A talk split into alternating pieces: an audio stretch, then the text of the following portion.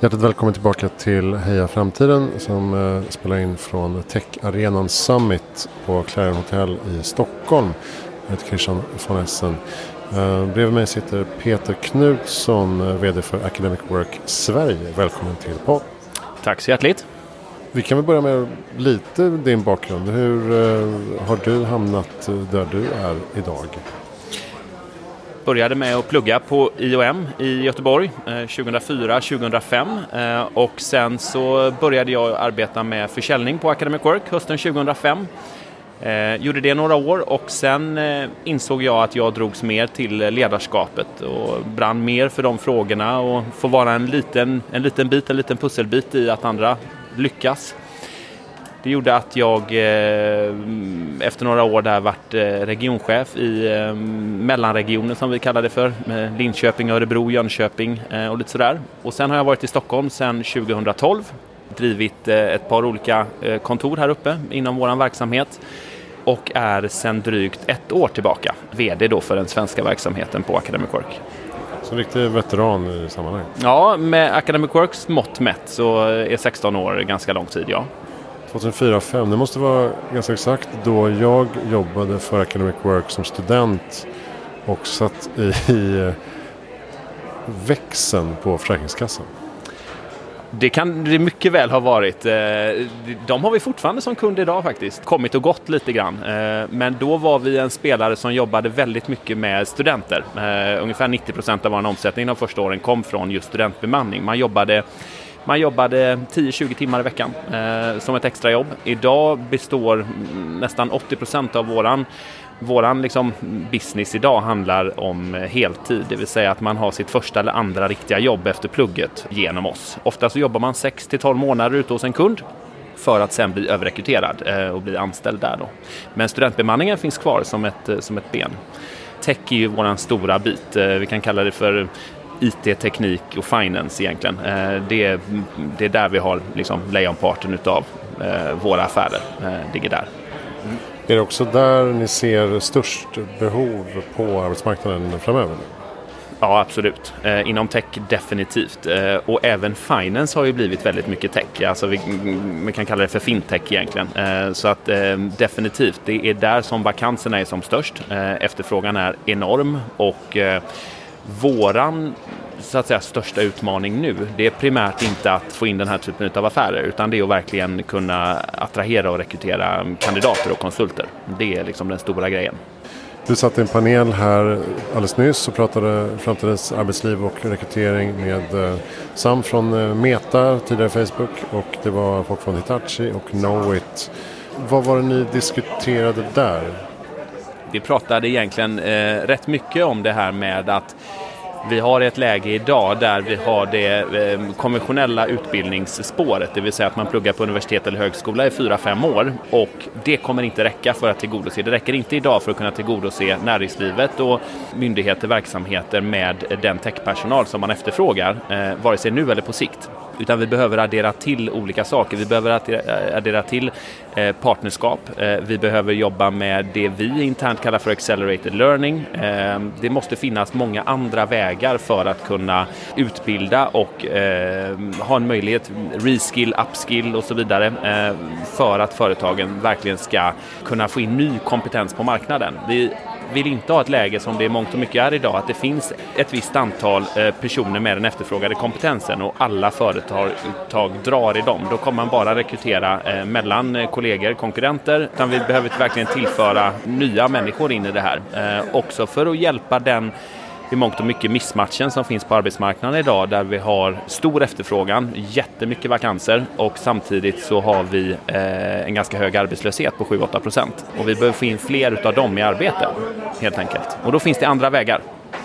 Vad, beror den här eh, matchningsproblematiken på då? Är det just att det går för snabbt om man är fast i gamla system?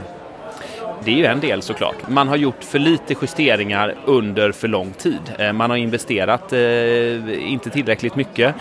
Det är också mycket som så att företagen idag, eh, de utgår från vad behöver vi nu? Och så kollar de, men vi, vi behöver ha techpersonal och man behöver ha 5-10 års erfarenhet för att kunna komma in här. Och man är ganska fast i de här gamla strukturerna.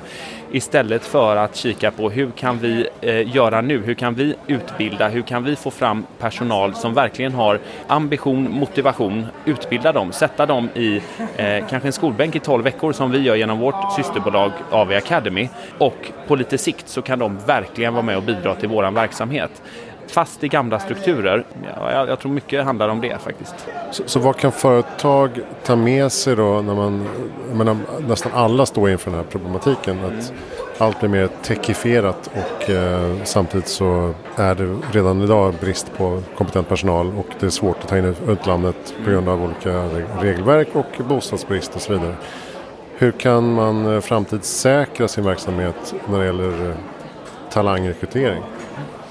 Man behöver ju sätta sig ner och fundera över vart man vill med verksamheten. Och eh, säg att du gör en femårsplan eh, och så kikar man på vilka är nyckelkompetenserna för att vi ska lyckas med vår verksamhet och det som vi vill göra med vår verksamhet kanske de kommande fem åren. Vad är det vi vill åstadkomma? Eh, vilka två, tre kompetenser är det som vi verkligen behöver för att kunna komma dit och hur ska vi finna dem? Och då behöver man nog i mångt och mycket tänka nytt. Och då handlar det om att man kan kika på de personerna som man har i sin egen verksamhet. Vi kan ta ett konkret exempel. Säg att du idag eh, jobbar och har en butikskedja med fysiska butiker och mycket tyder på att du vill öka upp din e-handel istället och kanske rent av också gå ifrån att ha fysiska butiker. Vad kan vi då göra? Här har vi massa personer som jobbar i vårt fysiska nätverk av butiker. Hur kan vi få dem att jobba i vår e-handel istället?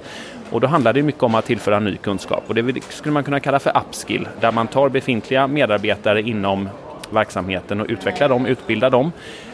Och sen har vi också reskill och det handlar ju om att det är personer som gör någonting helt annat idag. Hur får vi in dem till techbranschen till exempel där behoven är som störst? Där kan ju vi då inom Academic Work, vi har gjort det här på 2500 personer än så länge, många olika företag, myndigheter. Många går också ihop och skapar samarbeten. Det kan vara att man har en hel sektor, man har banksektorn till exempel, där man går ihop och ser att vi kommer inom den här sektorn, eh, cybersecurity till exempel, så kommer vi ha ett jättebehov av kompetens framåt. Hur kan vi tillsammans med Academic Work bygga en utbildning eh, som gör att vi kan börja få in juniorkompetens utav det här, som på några års sikt är väldigt kompetenta.